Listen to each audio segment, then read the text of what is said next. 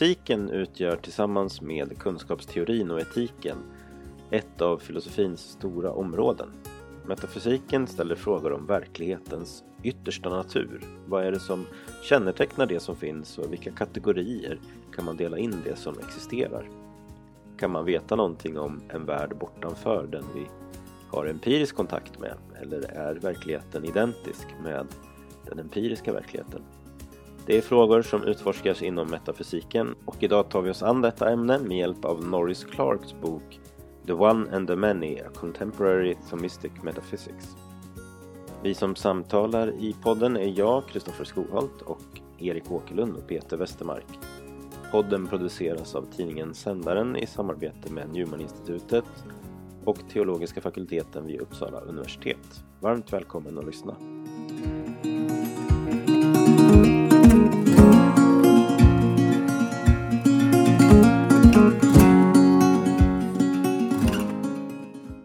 Hur kommer det sig att universum existerar överhuvudtaget? Vad är dess yttersta källa och mening? Och meningen med mitt liv i det?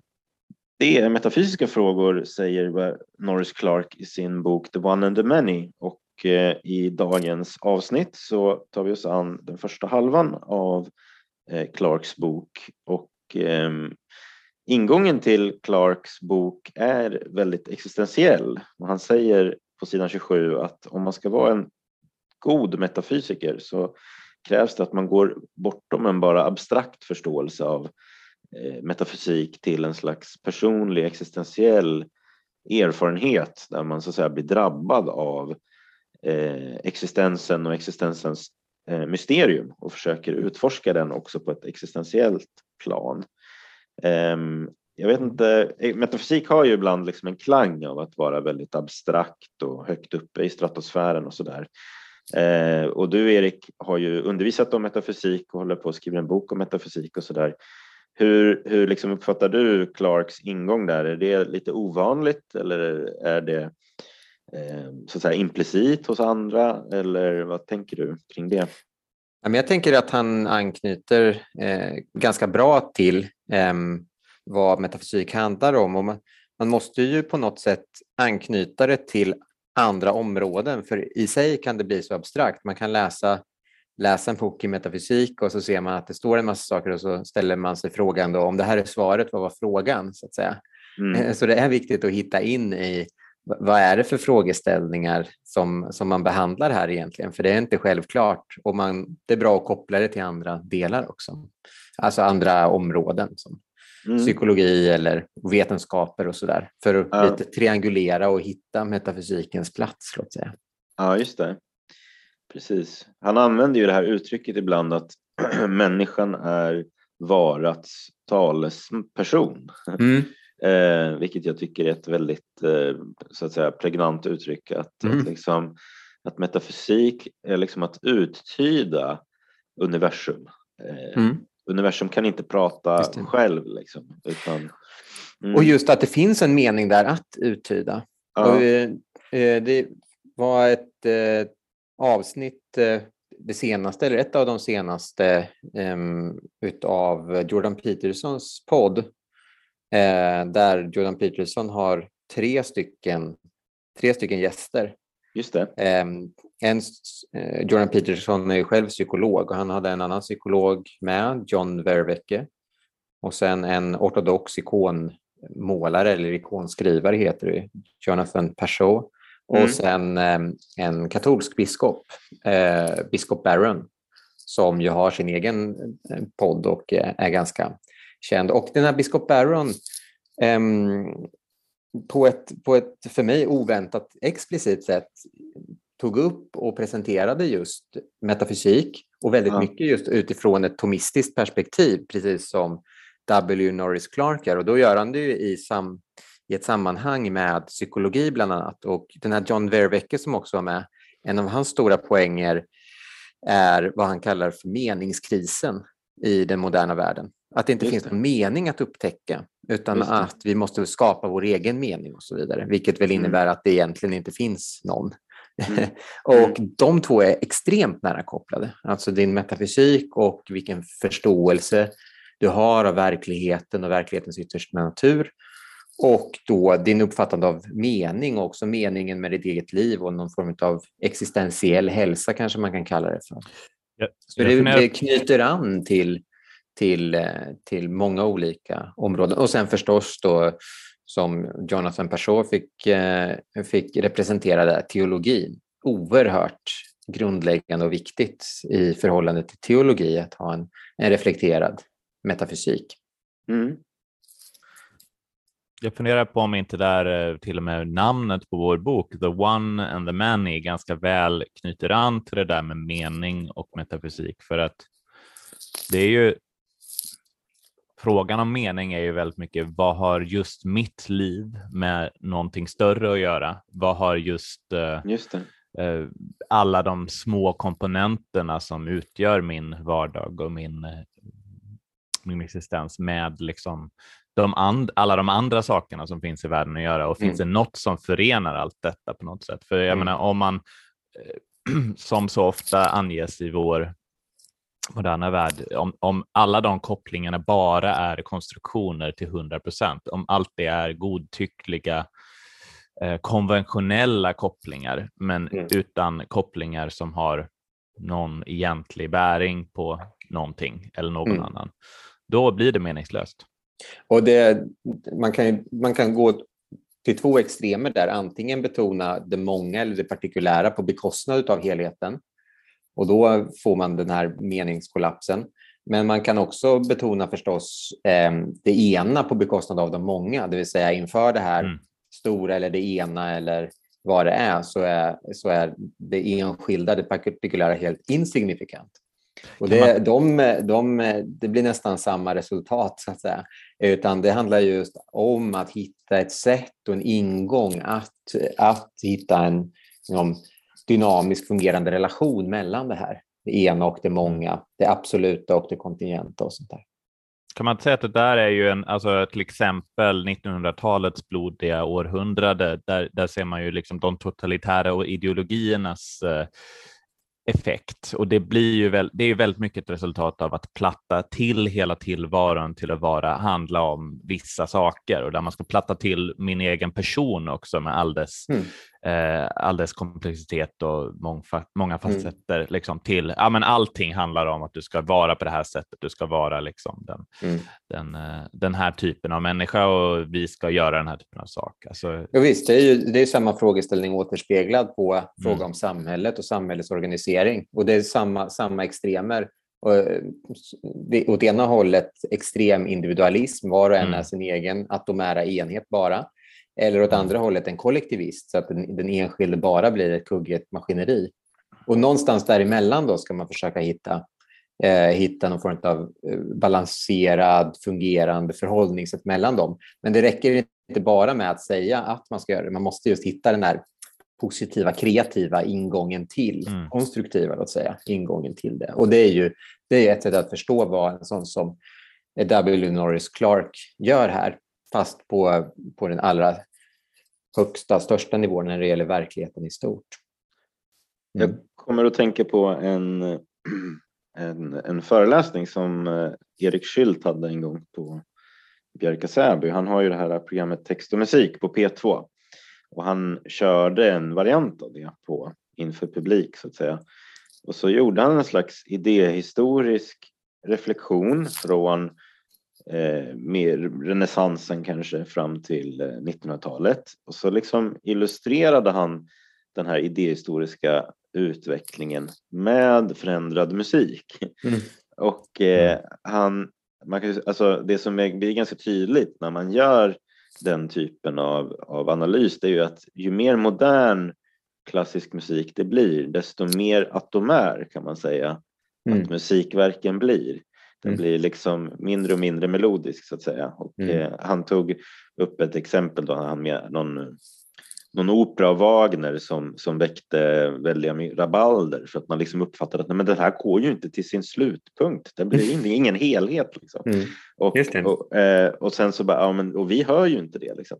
Men, men, eh, och sen så liksom de här uh, moderna klassiska verken som liksom som någon uttrycker det, låter som om en katt går på pianot. Alltså, den, den har liksom ingen, inget enhet och det är väl en ett, liksom, här, ganska tydlig, vad ska man säga, mm. tydlig liksom Um, och, och, där kan man ju också använda så här, bilden då, vad är skillnaden? En monism skulle ju vara ett musikstycke som bara är repetitivt och låter likadant och en mm. Radikal pluralism har ingen, ingen enhet men det är just när det blir en melodi då som det blir en, en slags harmoni mellan enhet och mm. mångfald mm. skulle man kunna säga. Om man vill använda en, mm. en, en musikbild så att säga för olika mm. sätt Precis. att förstå. Um, och så. Um, mm. och, och, bara för att återgå lite till, till det här med den existentiella så att säga, nerven i, i Clarks uh, sätt att närma sig metafysiken så har han ju på sidan 28 så gör han en liten uppräkning av erfarenheter som han tänker kan eh, göra en, en uppmärksam på eh, tillvarons mer fundamentala eh, egenskaper och fundamentala natur. Eh, och där han tar upp till exempel mm. att eh, ja, eh, liksom att the, the threat of loss of one's own existence or that of a loved one uh, realization of existence through contrast with its absence. Um, eller en intensiv mm. kärlekserfarenhet och så här. Och ibland tänker jag, han tar upp ett antal sådana här erfarenheter och eh, också sånt som att man upptäcker skönhet och ordning i universum som, som eh, mm. poet eller barn eller vetenskapsperson och sådär. Eh, men, men också så att säga den här eh, förtvivlan och existentiella ångesten som mm. en slags ingång till metafysisk reflektion för man upplever en slags saknad av mm. mening så att säga. Och jag har väl någon slags intuition av att ganska många människor har, de vet så att säga inom citattecken redan hurdant universum är. Mm. Och därför är det, men om man tar in det så är det så leder det så att säga, till existentialismens eh, analys av att mm. världen är absurd. Så att säga. Den har ingen mm. inneboende mening. Så därför är det ju bättre så att, säga, att syssla med andra saker än att hålla på och tänka på det. Liksom. För det mm. Är det ingen som blir särskilt glad av så att säga. Mm. Yeah. Det är väl en, en, en, intuition som jag har kring hur, mm. hur många förhåller sig. Liksom. Mm. Vad säger du Peter? Ja, men jag kan bara säga att jag deltog en gång i en metafysikkurs och jag, den var full av människor som sökte svar på i vilket på sammanhang var det? Ja, det behöver vi inte säga här. Okay. Men, eh, ja. Nej, men på universitet och då eh, det som slog mig var att det var många, ehm, det sättet som man kunde tala om metafysik gav inte särskilt mycket existentiell mening till, fast jag vet att många där egentligen var väldigt drabbade av den eh, ja, vilsenheten, den meningskrisen som vi pratade om i Peterson. Och det, det smärtade mig faktiskt något att att eh, liksom, det är inte alltid som den här frågan, i den mån den har fått ställas eh, i modern tid, utanför kyrkan i alla fall, om vi ska vara sådana. Nej. Eh, det är inte alltid som den ger verktyg till att begripa existensen alls. Liksom. Nej, precis. Vi kanske ska säga någonting då om vad som så att säga, skiljer en metafysisk reflektion från en vetenskaplig reflektion. Mm. Och jag tänker att en, en sak som skiljer är ju att i en metafysisk reflektion så, så studerar man inte en specifik typ av ting i världen mm. och, utan man, man, man frågar sig så inte vad kännetecknar eh, däggdjuren eller, eller det biologiska livet och sådär eller molekyler och så utan finns det någonting som kännetecknar allt som existerar? Mm. Just i sin egenskap av att vara. Ja, precis. Eh, och då är ju en sån väldigt eh, vanlig eh, förståelse då att, att allt som existerar i, i alla fall allt som existerar i universum har en karaktär, en natur, den har en vadhet, ett sätt att man kan beskriva den på olika sätt, en form. Men den har också existens. Den, och där, där har ju han tyckte jag var klargörande att han, att han just lyfter fram det att, att existera är en slags aktivitet. Det betyder mm. att du, du, du är på ett visst sätt som har eh, effekter mm. för omgivningen. Mm. Att vara är ett verb. Just det. Just det. det är en sorts aktivitet eller aktualitet då, ja, som man måste den... fästa sin uppmärksamhet på. Ja. Så att, att det, han pratar ibland om det som en aktiv närvaro. Allt mm. som existerar har en aktiv närvaro. Och mm. jag kom då att tänka på, eh, det finns en filosof som heter Thomas Nagel som har skrivit en känd eh, essä när han säger What is it like to be a bat? Mm. alltså, och där han just pekar på att för medvetna varelser så finns det ett sätt som det är för dem att vara den varelsen. Mm. Och man kan ju vända lite på det där och säga att för saker som existerar så finns det ett sätt på vilket det är att möta den existerande, den existerande varelsen. Mm. Ehm. Mm. För, för, han skulle säga att även till exempel en sten eller en, eh, en kaffekopp eller någonting också har en, en deltagande i världen på det sättet och ett, sätt, ett varande, ett någon varande. slags aktivitet. Precis, mm. alltså att vara en aktivitet och i den mån som någonting är så är den eller har den en sån aktivitet. Och Sen är den också ytterligare bestämd. Då. Det är dess väsen, men det är en sorts negativ eh, begränsande princip. Vi pratar ju om principer här liksom, för mm. det som är. Och eh, att vara, det trycker ju klart på väldigt hårt att det har man ännu inte säga, fullt ut dragit ut konsekvenserna av den insikten, vad, vad det innebär det här, att allting förenas i en akt, i akten att vara. Sen kan de vara hur olika som helst. Ehm, men i att vara, det är det som all, allting som är förenas i. Och sen är, är då eh, dess väsen, dess, dess natur en sorts begränsande princip. Eh, men det betyder också att vara-akten är är då eh, primär i en mening jämfört med eh, någontings väsen. Är det här vad, jag ställer lite frågor här för jag är själv osäker. Är det här vad Aquino talar om, som, som Clark ju mycket utgår från, eh, när han talar om ak Gud som actus purus? Alltså mm. the, the pure actuality kallas, översätts det till ibland va? Ja, heter det aktiv, ren akt. Mm. Mm, det. det. är ju, för du kommer dit, så att säga, om du utgår från förståelse av allting som är, då förenas ju allting i, i då sitt vara, i, i vara-akten.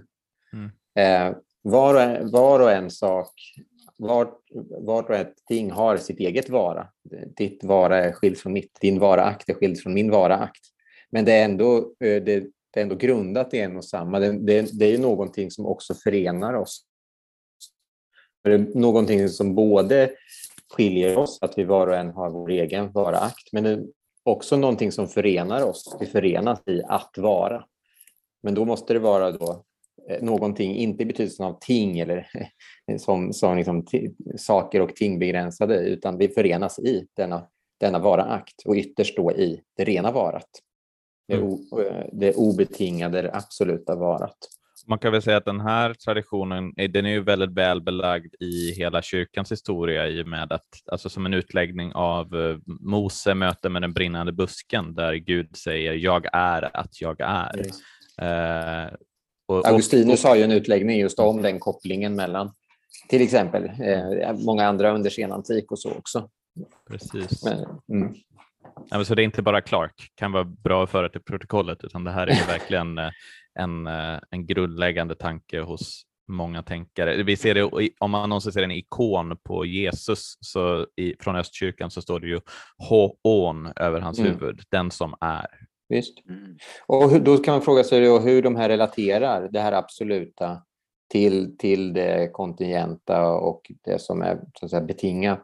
då är det ju den grundläggande ingången och svaret då från Thomas, återigen, i, alltså från Clark i, i grunden, den, den då, eh, tomistiske filosof som vi har läst, eh, men ro, grundat i Thomas och sen vidare bakåt eh, från Thomas är ju participation, alltså delaktighet.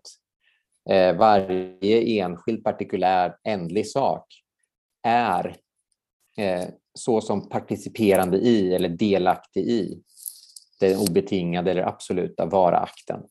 Så och det, det, är intressant, det kommer de in ganska mycket på i den här eh, podden som vi eh, hänvisade till i början, Peterson. Mm. Och den här andra psykologen, John Verwecke, trycker väldigt hårt på att det, han menar att det är enda sättet ur den här, var, den här meningskrisen, då, att återuppväcka och återupptäcka en, vad han kallar då för en participationsmetafysik. Han kopplar det till nyplatonism och det, det är bland annat därifrån det kommer också. Eh, mm. Men det finns hos eh, Thomas. Då. Så det participerar eller är delaktigt i den här yttersta varakten. Så det är varken identiskt med och inte heller skilt åt totalt. Mm. Utan det, har delaktighet i. Och där, där kommer vi så att säga in i just frågan om hur det kontingenta, ändliga, eh, betingade relaterar till den yttersta då, verkligheten som, som eh, eh, Eh, togs upp i Kristoffers inledande eh, citat där, den yttersta verkligheten. Och det är ju vi där... i grunden relaterar till det, oavsett om vi är medvetna om det eller inte. Ja. Man kan ju säga nu att, att på ett sätt så är relationen som utforskas här, så att säga, relationen mellan det immanenta och det transcendenta. Ja. Eh, men en hel del av metafysiken handlar ju också om relationen mellan det immanenta. Mm. Mm. och den kommer det kommer han ju in på eh, ganska mycket eh, också. Men bara för att, att eh, rekapitulera lite då så, så är ju precis, vi har det här uh, att något finns och vad det är och det uttrycks ju ibland med uh, ord. Latinska orden är ju esse och essentia. Esse mm. är varakten så att säga. Och, och där är ju tanken att Guds esse är inte begränsat av Nej. en essentia så att säga. Så Gud är inte, men, och det innebär då att Gud är varats fullhet. Och allt annat som finns uttrycker så att säga, eh, skulle man kunna säga då, en aspekt av varats fullhet, en aspekt mm. av, av Gud. Och för mig är en bild som jag tycker är hyfsat hjälpsam, det är att tänka på när ljus lyser igenom en prisma så bryter det av en del av ljuset och mm. får en viss våglängd så att säga som genererar röd eller blå eller så där.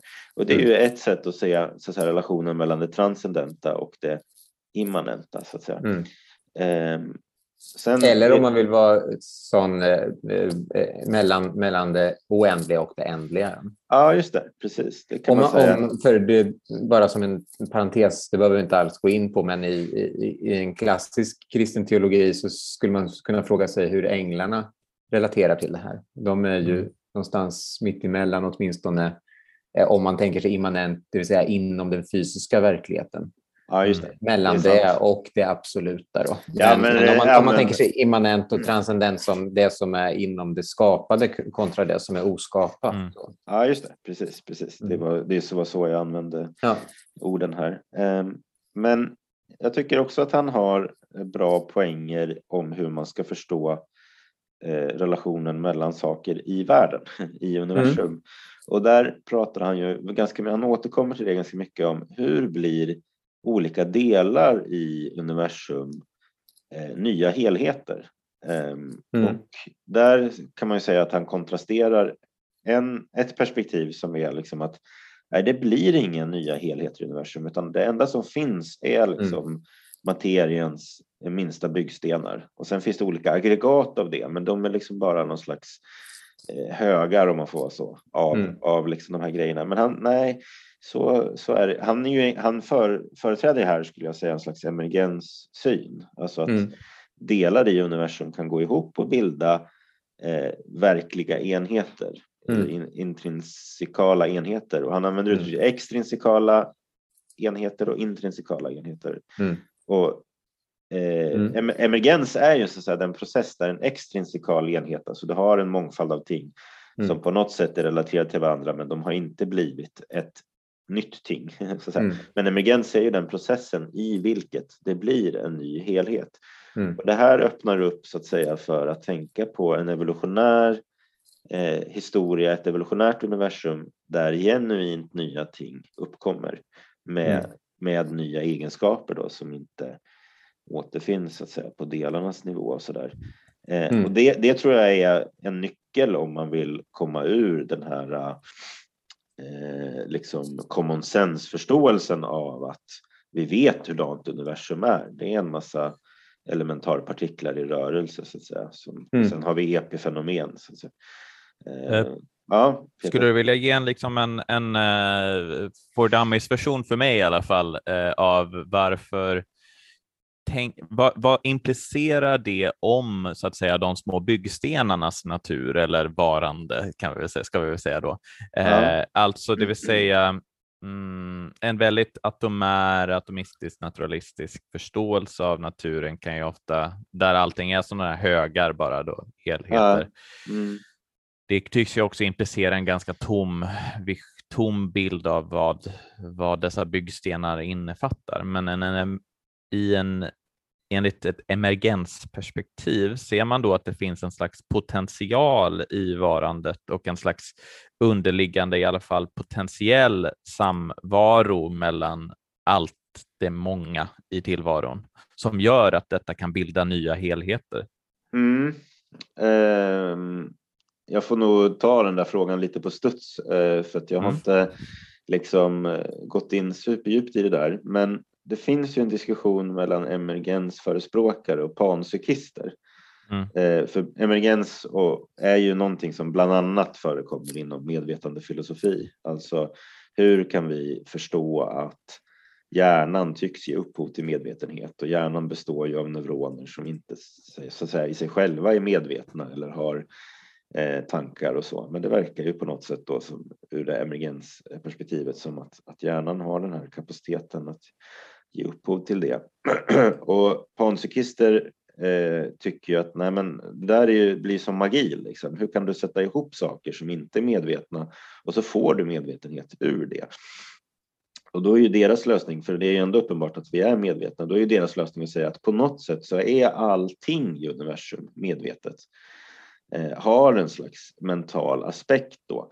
Det- är bara det problemet att vi kan inte observera eller liksom, vi har inga skäl så att säga utöver att det finns medvetna varelser.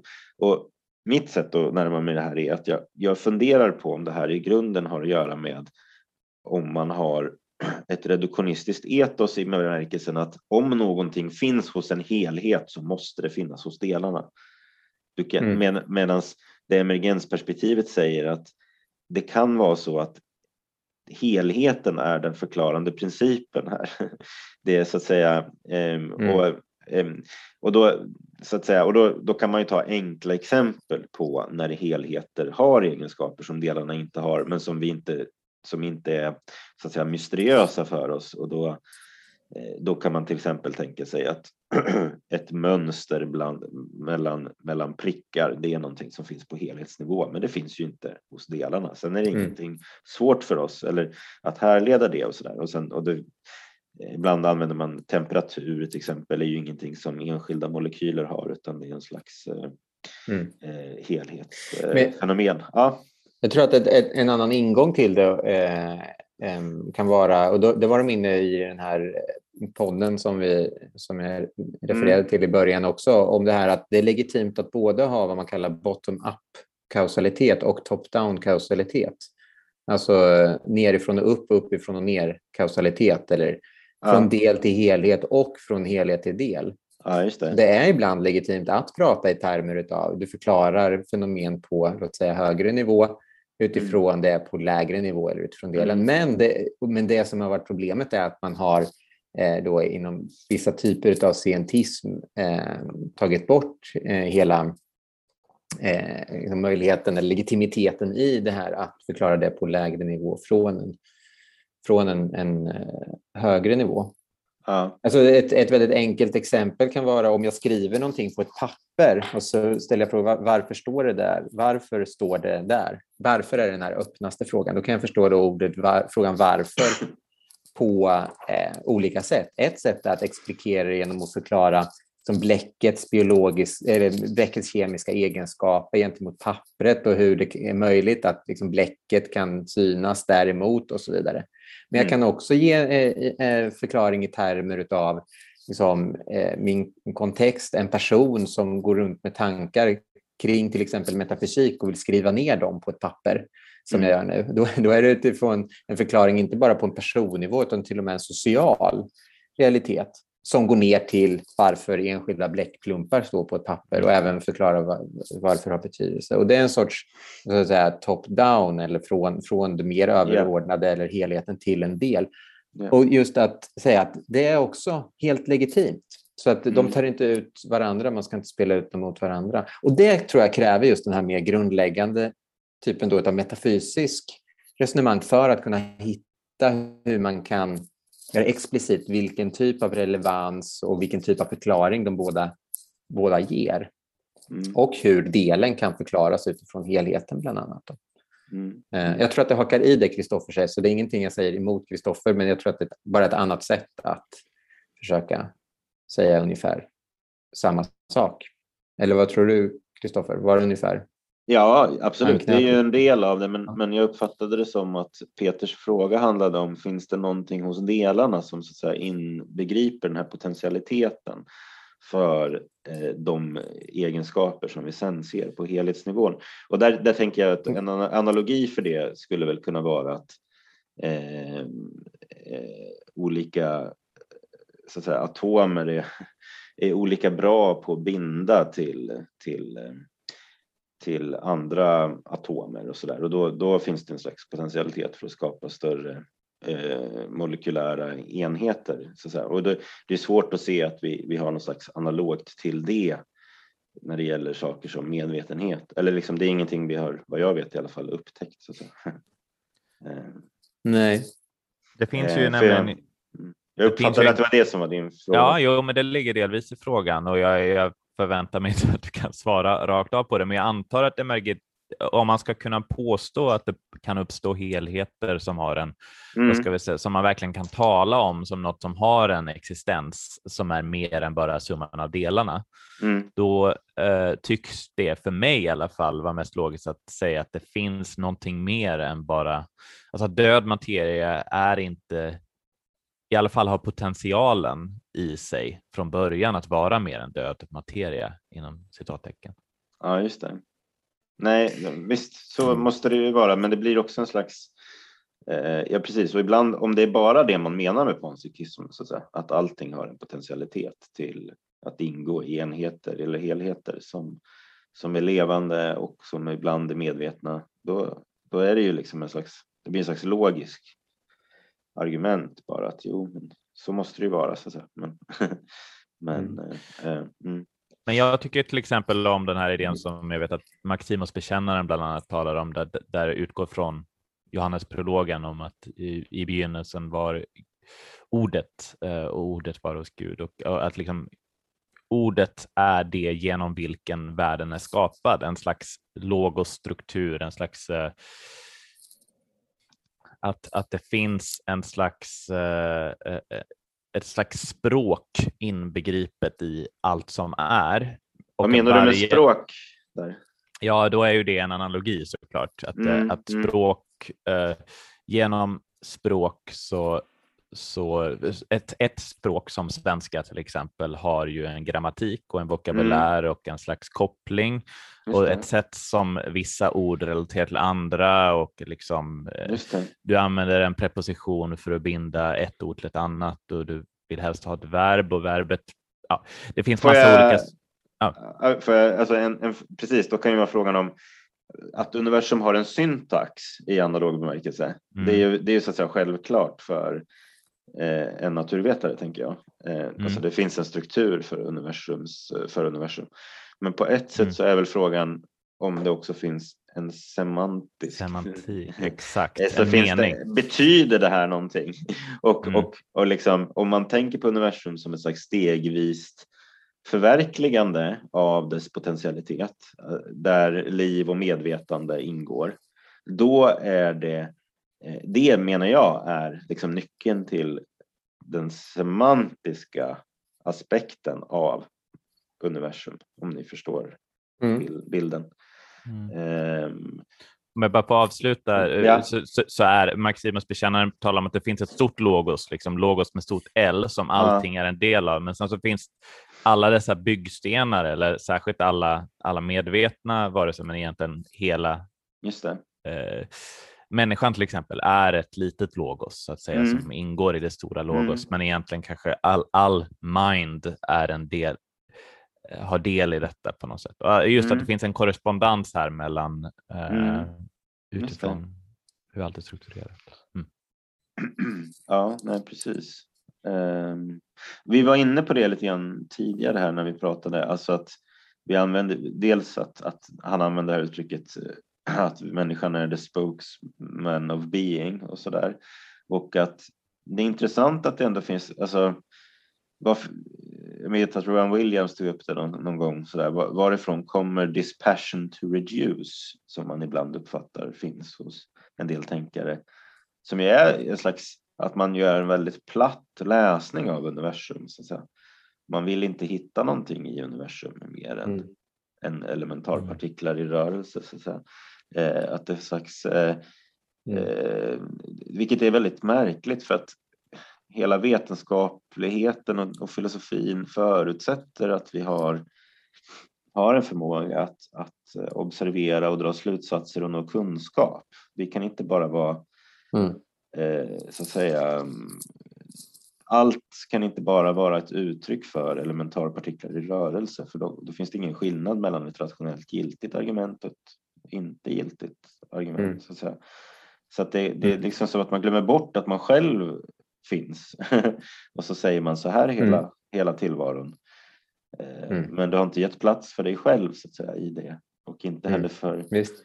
Eh, Så, så det är väldigt intressant att det ändå finns en sån, vad ska man säga, jag tycker det är lite fascinerande. Hur ska man förklara det egentligen? Var kommer den Mm. motivationen ifrån? Så, Mm. det är inte helt självklart då hur man ska tolka det. Så att säga. Men, Ja, det är svårt det här med psy- psykologi och eh, filosofi. sättet. Men- Vi har ju varit inne lite på det här med analogier. Ja, men Ska vi säga något om det? Mm. mm, precis. Ja, det vanliga sättet att introducera eller ställa upp för en analogi är, är ju att uttrycka det som att analogi är någon form av mellanting mellan någonting då som är univokt eh, när man uttrycker eh, samma ord på precis samma sätt eller med precis samma betydelse. Som när jag pratar om en matkniv och en smörkniv till exempel. Eller å andra sidan någonting helt då ekvivokt eller homonymt, alltså samma ord som används i två helt olika betydelser som verktyget tång och eh, sjögräset tång. Då är det samma ord men ingen relation i betydelsen. Analogt är ju då någonting som utsägs, det är samma ord, utsägs som två olika ting i olika men ändå relaterade betydelser. Som till exempel att en, en glass är god och en människa är god. Det är liksom god i två olika betydelser men de är, de är ändå relaterade, sorts uppskattande omdöme. Det är inte som Just det. tång och tång. Just det. Ehm, så det, det är det vanliga sättet att språkligt tala om. Då. Och det är ju där han analogier. hittar, vi kan ju dra den kopplingen bara till att, att när vi säger att något är Mm. så använder vi det ju på det sättet att en hund, hunden är och ehm, eh, masken är, men de är det på, på olika sätt. Så det är en Precis aktivitet som de utövar. Mm. Om vi tar två enskilda ting och man pratar om eh, de som bara rena varanden och försöker innefatta allt de är, då är varje enskilt ting unikt. Och därmed så säger vi att den ena saken och den andra saken är, de båda är, men de, de är, i analog, de är i analog mening. Ja. Och på liknande sätt då kan man prata om att eh, vi har kommit fram då till att varje ting har sitt eget vara i analog mening och det är rotat då i det yttersta varat, den rena varaakten. Är det? Ja, det är inte som ett ting är, men det är då i en analog, i en analog mening.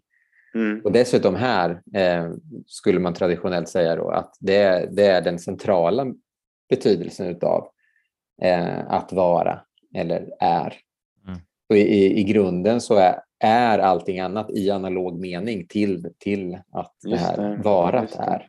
Mm. För det där är ju, det där har blivit en ögonöppnare för mig med just eh, det man kallar eh, varats an, analogi, alltså att, Mm. att det går att göra analoga men inte eh, vad heter det, eh, identiska kopplingar liksom, mellan, jag glömmer Mm. vad du använder för begrepp där, för när någonting är exakt som någonting annat. Univokt. Univoka Mm. kopplingen. Mm. För, för där har ju funnits en, en bland annat Radical Orthodoxy-rörelsen har ju påpekat den historiska skiftet som skedde under skolastiken där det fanns, eh, är det nominalisterna som driver på den här eh, eh, Ockham och andra som, som, som drar ehm, analysen av, av varat till en väldigt, man vill ha en väldigt strikta logiska kategorier och Mm. och då vill man att allting man kan tala om och jämföra ska, ska användas på exakt samma sätt. Och Mm. därmed så blir det liksom, då sätts Gud till exempel helt i en egen kategori egentligen som inte går ehm, att jämföra med det mänskliga. Och det där får ju ganska det får ju ganska radikala konsekvenser, nämligen att till exempel att säga att Gud är god har ingenting att göra med, att män, med mänsklig godhet till exempel. Det betyder att Du vi kan gå åt två håll där egentligen. Antingen så, så blir det för, för likt mänsklig godhet, det blir för antropomorft så att säga. Eller, eller så har det ingenting att göra. Så du får en sorts... eh, eh, Kristoffer brukar prata om, om en dialektisk förståelse. Det, det blir två diken, men det här analoga eh, ger eh, en möjlighet att försöka ra- relatera dem på ett, på ett mer liksom givande och dynamiskt sätt att gå, Mm. gå mellan att det är både likt och olikt. Alltså. Eh, bara eh, kort innan Kristoffer kommer in. Det, nominalisterna har det, men annars är det ju Don Scotus man kopplar det till. Mm. Varat, eh, eller varandenas universitet och den traditionen från honom. Han var ju ingen nominalist då, men eh, det, det är ändå kopplat. Mm. Mm. Ja, precis. Nej, men att det blir motsatt eller eh, identiskt så att säga. blir Mm. dy- dynamiken där Mm. mell- mellan eh, eh, som jag tänker man kan se på lite andra områden också, till exempel medvetandefilosofi och sådär. Mm. Den dualistiska förståelsen som man förknippar med Descartes om eh, att det finns ingen likhet så att säga, mellan materia och medvetande. Mm. Eh, Mm. och sen, sen går det några hundra år och så blir det, blir det medvetandet, kommer identitetsteorin och säger att medve, ingen skillnad på materia och medvetande. Men då, Mm. då sker det oftast på bekostnad av att man eh, eliminerar så att säga, det, Mm. det, det medvetna så att säga. Mm. och säger att det är identiskt med beteende. Eller så. Mm. Eh, men eh, ja, det var en liten parentes om det. Jag tror att det funkar ganska bra i, även inom, nu har vi pratat om teologi, det yttersta varat och en- enskilda, men, men det funkar ganska bra eh, även, även In- för, för att förhålla olika vetenskaper till varandra. Ja, Inom, atomer är och eh, älgar är, men de är i, i liksom analog bemärkelse. Och sen kan vi utforska hur relationen mellan dem ser ut och då kan det finnas liksom ömsesidiga kopplingar mellan på olika sätt. Men, men att ha den grundläggande ingången till det ger, Ja. spänner liksom upp ett mer dynamiskt låt säga, semantiskt fält eller ett mer dynamiskt sätt att kunna försöka förhålla olika vetenskaper till varandra. Absolut. absolut. Om, om, om analogi så att säga, handlar om att du hittar likheter i skillnader och skillnader Ja. i likheter så är ju ett emergensperspektiv på världen väldigt an, ett analogt sätt att tänka, eh, menar jag. Mm. Eh, alltså du, du, du, undviker så att säga både reduktionismen och dualismen. Eh, som i synen på människan kan ju dualism komma till uttryck i en radikal konstruktivism där biologi har ingenting att göra med hur mänsklig kultur och samliv ser ut. Mm. Eller du kan hamna i biologism och säga att det är ingen skillnad mellan mänskligt kultur och andra djur så att säga. Mm. eh, och, och det är också ett slags uttryck för det här dialektiska sättet att tänka Mm. där, man, där man antingen hittar reducerar allt till samma eller separerar så att det inte finns någon koppling däremellan. Då. Mm. Mm. Jag har ju, jag har ju alltid, jag tycker det finns någonting i tidsandan, den kanske är på väg, har nått sin kulmen, men det, det är ju väldigt vanligt sägning att om någon säger någonting om en helhet så blir den klassiska repliken, ja men man ska inte generalisera. Och, och, jag är med på, visst, det finns människor, ibland jag själv, som generaliserar lite för friskt och liksom drar för stora växlar på små saker. Men jag, jag tycker det finns någonting, och det är nog en reaktion på liksom det modernistiska 1900-talet eh, där det fanns. Men, men jag sa så att man får inte generalisera, man får inte tala om storheter överhuvudtaget, för det är farligt. Eh, men, men jag tror att det, om man har det här analoga perspektivet att två olika saker är alltid i, i, liksom, eh, i olika men besläktade bemärkelser och varje då mer universell generell utsaga är en form av abstraktion av verkligheten. Varje, alltså, mm. varje gång vi begreppsliggör någonting så tittar vi på saker under en viss aspekt. Underförstått, och det finns andra som det utesluter. Så det handlar om att, att eh, det är helt legitimt att titta på det under den aspekten, så länge man inte med det gör anspråk på, och det finns ingenting annat Nej. om det att säga. Liksom. Eh, så det, det tror jag är en bättre väg att gå. Och i den mån som, som ett visst perspektiv har gjort det anspråket så är det helt relevant att, att, så att säga, tala, tala emot eh, det. Om det så skulle vara socialkonstruktivism eller, eller liksom scientism med, med, av fysikalistiskt slag eller vad det är. Det finns ju på många olika eh, håll ett reduktivt förhållningssätt. Men att det så att säga, reflexivt finns med i det, ett medvetande av att jag har valt ut vissa aspekter att titta på och utelämnat annat när jag tittar på det. Mm. Men det krävs en sorts djupare, ja, men som, vi, som vi är inne på här, det krävs en liksom, metafysisk reflektion. Det är ju någonstans... Men det är ju i och för sig, jo precis, men, men jag uppfattar att det Peter är ute efter här lite grann är att det finns en slags rädsla för att prata om helheter. Mm. Um, och man kan fråga sig vad den rädslan kommer av så att säga. Eh, och då tror jag kanske att det har att göra med att, att eh, det uppfattas som en bestämning av individen mm. som ju ska vara eh, kanske helt fri. Så att säga.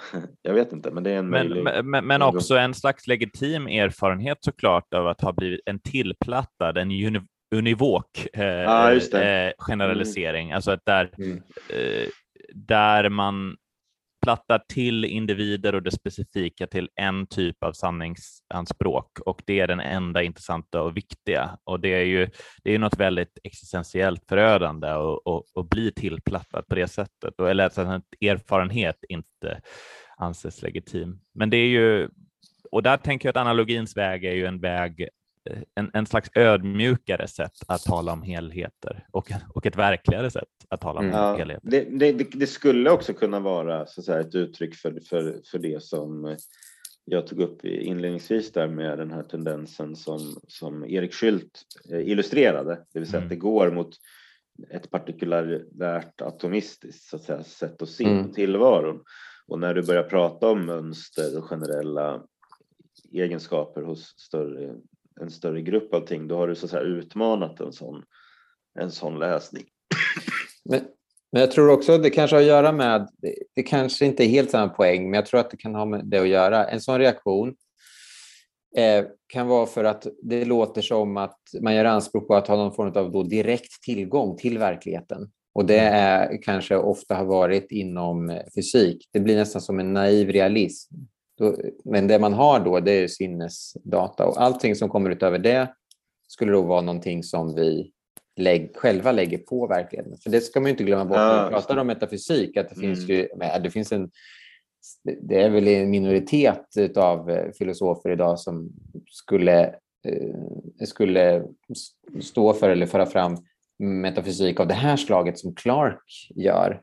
Och det har ju bland annat som bakgrund en sån som Immanuel Kant då, som hellre pratar om, eller snarare pratar om hur vi ordnar världen eller åskådningen så som den framträder för oss. Alltså en sorts ja, pessimism inför att vi alls ska kunna ha mm. någon form ja. av kontakt eller koppling till verkligheten. Och det är väl, kan, om man börjar på prata om hur saker och ting är, då kan det komma någon från det hållet och liksom säga att ja, du, vad är du för gammaldags realist? Det där, det där gjorde väl Kant rent hus med. Eh, medan det väl vi och Clark och det vi för fram här är så att säga någon form av kritisk eh, realism då. Att vi faktiskt har eh, tillgång till verkligheten men att den tillgången inte är oberoende av våra begrepp och så vidare. Mm. Ja, precis. Alltså antingen då en slags radikal empirism att eh, när vi på en, en mer så att säga, generell abstrakt nivå talar om gemensamma egenskaper mm. så har vi gått ifrån den specifika observationen så att säga. Mm. Tar ett steg tillbaka och har en, en andra ordningens reflektion. Men det är ju å andra sidan vad vetenskap är. Mm. Vetenskap är ju att gå från observation till teori så att säga. Visst. Eh, och uttala sig om det generella och sådär. Mm. Eh, precis, men, men ja, precis. Det är två, två aspekter där då kan man väl säga. Den ena är en slags radikal empirism som skulle bara betona det partikulära och det andra mm. är, är så att säga någon slags kantiansk idealism då som, mm. som eh, och de möter väl varandra på något sätt. Alltså, Just det. Nej, realism och idealism blir väl i slutändan nästan, nästan identiska. Ja, just det. Mm, precis. Ja, då har vi cirklat rätt mycket kring olika teman som Clark tar upp. Men en sak som vi inte har tagit upp och som kan relatera lite till frågan om varför man ens ska man ens ägna sig åt metafysik så att säga.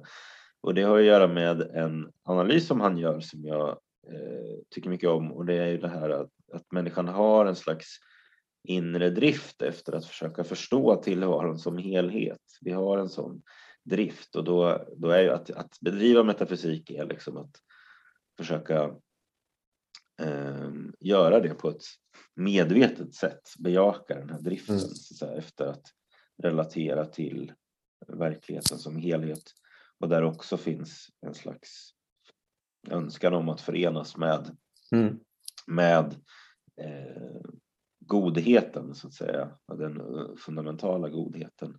Mm. Vi, vi, möter partikulära goda ting men vi har liksom en, på ett liknande sätt så säga, obegränsad längtan så säga, mm. efter, efter det, det fullkomliga då. Men eh, Peter, du hade ju ett citat där som liksom beskriver lite att vi är, vi är ändliga men vi, vi söker det oändliga. Så att säga. Ja, nej, men jag tycker det är eh, en bra påminnelse i, i alla fall vad gäller kristen metafysik, att det finns allt det finns ju det här ordet från, som Paulus har i sin eskatologiska kärleksdikt, eh, eh första Korinthierbrevet 13.